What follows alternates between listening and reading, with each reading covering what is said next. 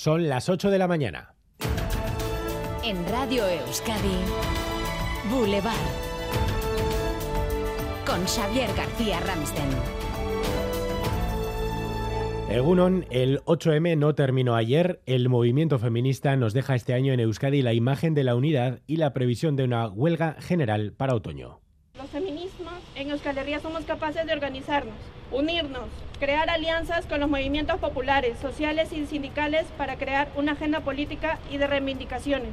No queremos más promesas vacías ni captaciones de nuestro discurso. Exigimos el derecho universal a los cuidados. Por ello, caminamos hacia una huelga feminista general y este 8 de marzo es el primer paso. En Madrid, sin embargo, la unidad del feminismo fue desdibujada por la política. No solo la izquierda está fracturada, también el propio movimiento boicoteando un acto de la ministra de Igualdad.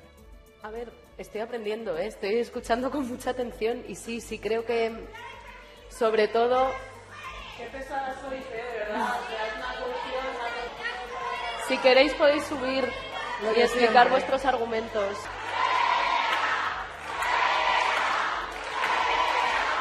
El 8M en Madrid, en el Senado, nos ha dejado además un esperado anuncio. La Cámara Alta ha aprobado la jubilación de las nescatillas, rederas y empacadoras del Cantábrico. Sonia Hernando. 90 mujeres trabajadoras del mar de Euskadi, de Bermeo, Lekeitio, Ondarroa, Guetaria, Orio y Ondarribia constituyeron en 2014 la Federación de Trabajadoras del Mar de Euskadi. Así comenzaba una lucha que ayer, 8 de marzo, consiguió en el Senado una victoria muy relevante. Por fin, nescatillac, rederas y empacadoras podrán adelantar tres años la edad de jubilación, lo mismo de lo que ya disfrutaban sus compañeros hombres, también trabajadores de la mar.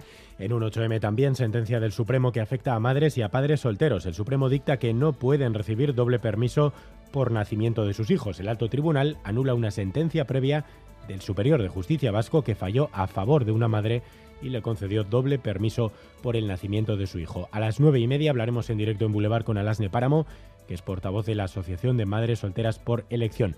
Y antes a las 9 de la mañana les avanzo que hoy nuestro invitado será José Ignacio Asensio, el secretario general del PSE en Guipúzcoa.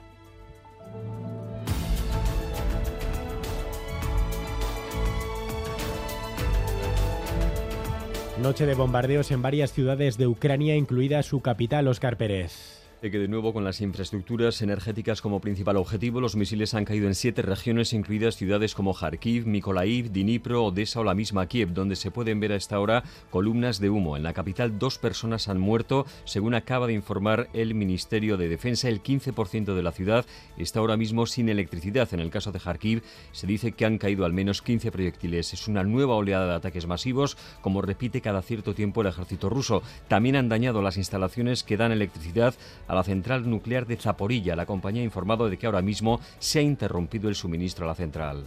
La Comisión Europea pide a los Estados miembros que preparen nuevos planes de ajuste, Leire García. Analizarán los datos de forma individual, pero el objetivo es reducir el déficit público hasta el 3% del Producto Interior Bruto. En los últimos años, la pandemia y la crisis energética han frenado esos ajustes. Los letrados de la Administración de Justicia, en huelga desde el 24 de enero, se van a manifestar hoy en Madrid. No ha habido avances en las últimas reuniones con el Ministerio de Justicia, en las que reclaman aumentos salariales. En Euskadi se han suspendido más de 3.400 juicios y casi un millar en sin marcha atrás, en Francia el Senado ha aprobado el artículo que retrasa la edad de jubilación de los 62 a los 64 años. Antes de que finalice esta semana está previsto que se apruebe la totalidad del proyecto de ley. El martes se celebró una nueva jornada de huelga y se han convocado nuevas protestas para el próximo sábado. En Bilbao, la constructora ha paralizado las obras de la quinta torre de Garellano. Construcciones Urrutia ha detenido las obras por las dificultades para pagar a las subcontratas. Estaba previsto que la obra de la torre Amboto junto a la estación intermodal estuviera finalizada en diciembre. Los trabajos llevan paralizados más de un mes. La gripe está ahora mismo en Euskadi en su pico máximo de todo el invierno. ¿Lo están notando en su entorno? Seguro que sí. Unidad móvil de Radio Euskadi y no hay iglesia de Gunón.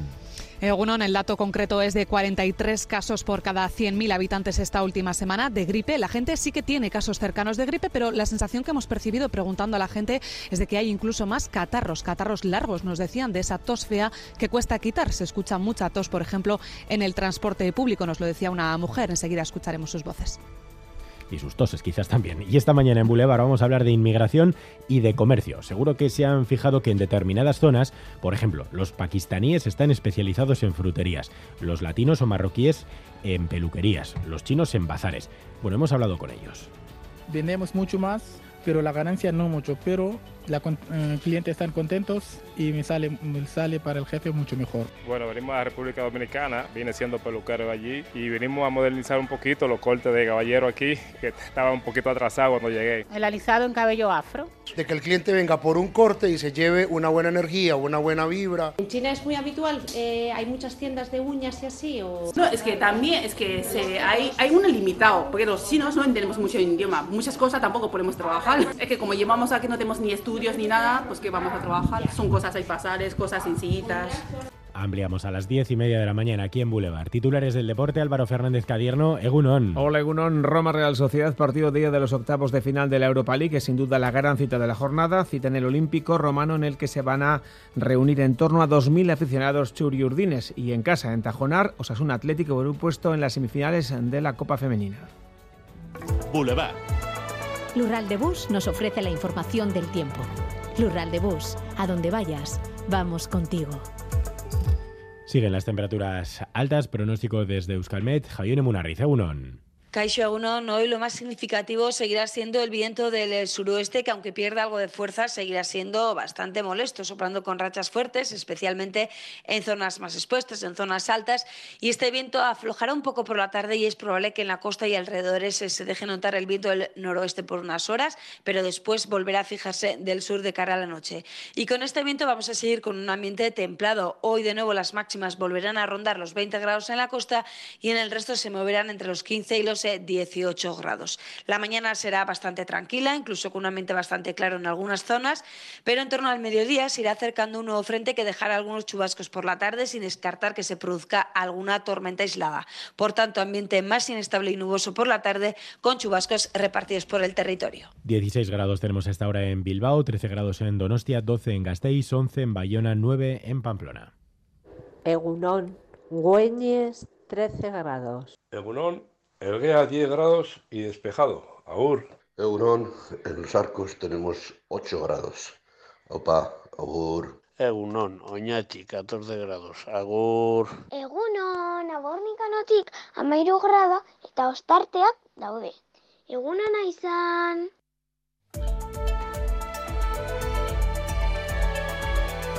Boulevard. Tráfico. ¿Algún problema en carreteras, Mayer Martín? Un punto de atención hasta ahora en la Vizcaya 625. Un camión averiado en Arrancudiaga ocupa un carril sentido Bilbao. Turno de tarde en el hospital. Ocho horas me esperan. Voy a visitar a Laitona, a pasear juntos un ratito. Con las amigas al teatro. ¡Qué ganas tenía ya! Porque la vida vuelve y el transporte público es vida. En Lural de Bus, donde vayas, vamos contigo. Ayúdanos a mejorar nuestra información con tus comentarios, fotos y vídeos. Envíalos al WhatsApp de Radio Euskadi 688 840 840.